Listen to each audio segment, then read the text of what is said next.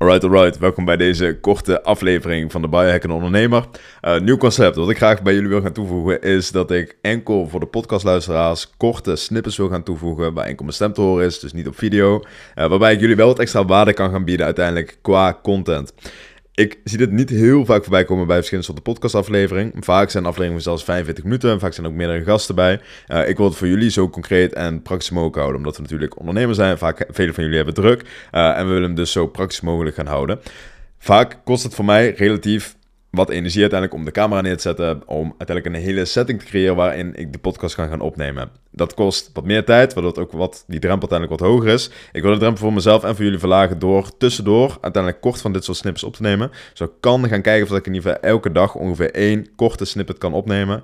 Uh, bomvol met waarde. Dus ook te veel gepraat nu, laten we gelijk erin duiken. Waar ik vandaag iets graag met jullie uh, wat dieper over wil gaan hebben, is dat we nu slaap en routines hebben besproken. Laten we een klein bruggetje gaan maken naar voeding. Voordat ik de volledige podcast qua voeding online ga gooien, ga ik dus eerst deze snippet release uiteindelijk op onze podcast. Waarbij we dus een klein bruggetje al gaan maken naar voeding.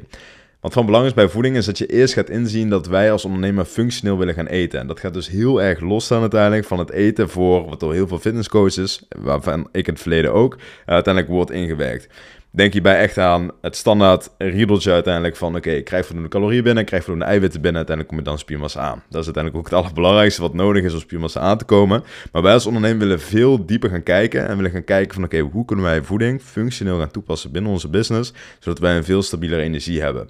Energie komt voort vanuit heel verschillende soorten vlakken. De vlakken die we bespreken met de biohackende ondernemers... de slaap, voeding, eh, beweging, mindset en werk. Dat zijn uiteindelijk de vijf grote vlakken weet in ieder geval dat het ook op basis van prioriteit is. En voeding is dus de tweede prioriteit als we gaan kijken naar energie, focus en productiviteit. Vandaar dat je het dus functioneel in lijn wil gaan zetten.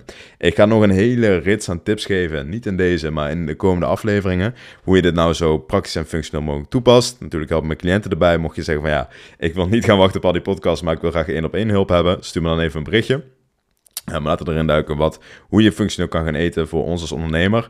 Uh, voor je energieniveau uiteindelijk. Van belang is om te weten uiteindelijk waar voeding uit bestaat. Daar ga ik in deze podcast dus wat korter overheen. In de toekomst ga ik daar wat dieper op in. Belangrijk is dat je weet dat voeding kan worden opgedeeld uit twee takken. Dat zijn de macro- en de micronutriënten. In de macronutriënten, daar komen uiteindelijk de calorieën uit. Dus daar komt je energiebehoefte uit. Dat zijn de koolhydraten, eiwitten en vetten.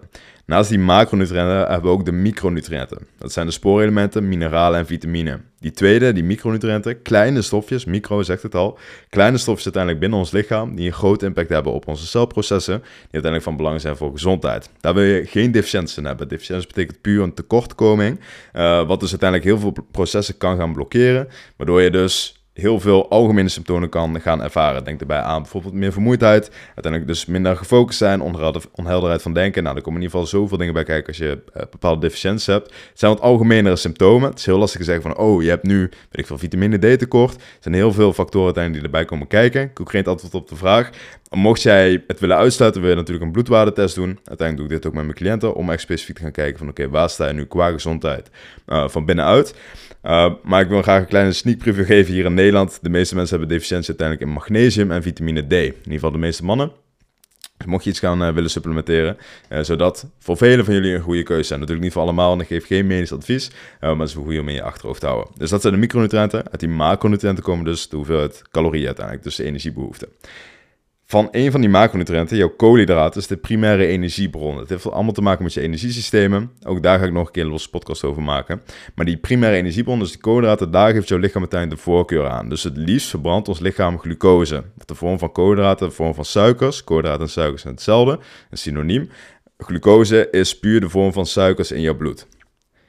Uiteindelijk hebben we een bloedsuikerspiegel. Een bloedsuikerspiegel houdt in dat hoeveel suiker op een bepaald moment binnen jouw bloed zit, dat maakt uiteindelijk je bloedsuikerspiegel uit. En jouw bloedsuikerspiegel is een hele grote stressor binnen ons lichaam, omdat koolhydraten dus de primaire energiebron. En ons lichaam is continu bezig met alles, maar dus ook met ons bloedsuikerspiegel, om dat in balans te houden. En binnen de natuur, binnen biologie heet dat homeostase.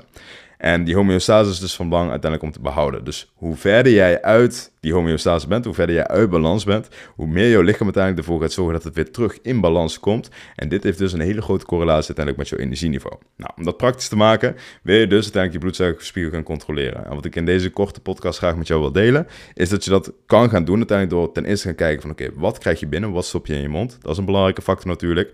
En de tweede stap is om te gaan kijken van oké, in welke verhouding stop je dat in je mond? Dus in hoeveel koolhydraten, eiwit en vet krijg je binnen? Los van de macronutriënten, dat je voedzaam wil eten natuurlijk, maar in welke verhouding krijg je die koolhydraten, uh, vetten en eiwitten uiteindelijk binnen? En uiteindelijk de laatste stap is om te gaan kijken wat voor soort koolhydraten krijg je binnen. En dat laatste is uiteindelijk heel erg van belang om te gaan kijken wat voor effect het heeft op je bloedsuikerspiegel. Ik hoop dat ik nog te volgen ben. Uiteindelijk ga je dus kijken van oké, wat is voeding? Macro- en micronutriënten. Uiteindelijk ga je kijken van oké, wanneer krijg je welke verhouding van de macronutriënten binnen? En de derde stap is uiteindelijk om te gaan kijken van oké, welk soort koolhydraat krijgen wij binnen uiteindelijk om ons bloedsuikerspiegel te controleren. En uiteindelijk kun je dit zelf gaan opzoeken op Google, bijvoorbeeld met de glycemische index en glycemische lading. En op basis daarvan kun je dus een schatting maken hoe snel een soort koolhydraat samen met de bereidingswijze uiteindelijk opgenomen in jouw bloed. Wat is uiteindelijk zo voor die bloedsuikerspiegel schommelingen? Wat is uiteindelijk weer gecorreleerd aan je energie? Dus ik hoop dat ik nog helder ben uiteindelijk wat het inhoudt. Maar door jezelf dus uiteindelijk uh, in te lezen over je glycemische index en glycemische lading, kan heel makkelijk op Google GI-GL-index van, noem eens wat, een kiwi. Uh, als je dat uiteindelijk gaat opzoeken, dan kom je daar letterlijk een cijfertje tegen. En hoe lager dat cijfertje, hoe beter dat tussen quotes uiteindelijk is. Dus hoe beter dat makkelijk gezegd is. Dus hoe lager die glycemische index en lading, hoe lager en hoe minder snel uiteindelijk de suiker wordt opgenomen binnen ons bloed, hoe minder grote schommelingen wij gaan krijgen, hoe stabieler onze energieniveau, hoe stabieler onze focus en uiteindelijk hoe meer output wij kunnen leveren. Dus korte podcast. Ik hoop dat jullie hier iets aan hebben. Ik ga dus kijken of ik dit dagelijks erin kan gaan werken. Uh, om gewoon kort even iets met jullie te delen. Zonder video, enkel stem. Uh, maar wel uh, voor met waarde. Dus dit is er voor mij. En dan zie ik jullie bij de volgende. Alright, dan zijn we weer bij het eind aangekomen. Super leuk dat je deze podcast hebt geluisterd. Mijn naam is Johan Kerkels en ik help ondernemers in 90 dagen naar een optimale prestatie toe. Concreet en meetbaar. Mocht jij zeggen van, hey, ik heb super veel waarde gehad in deze podcast, maar ik wil graag weten hoe ik het in mijn situatie kan toepassen, ga dan snel naar www.keef.nl of naar Johan Kerkels, stuur me even een berichtje en ik help je graag persoonlijk verder. Peace!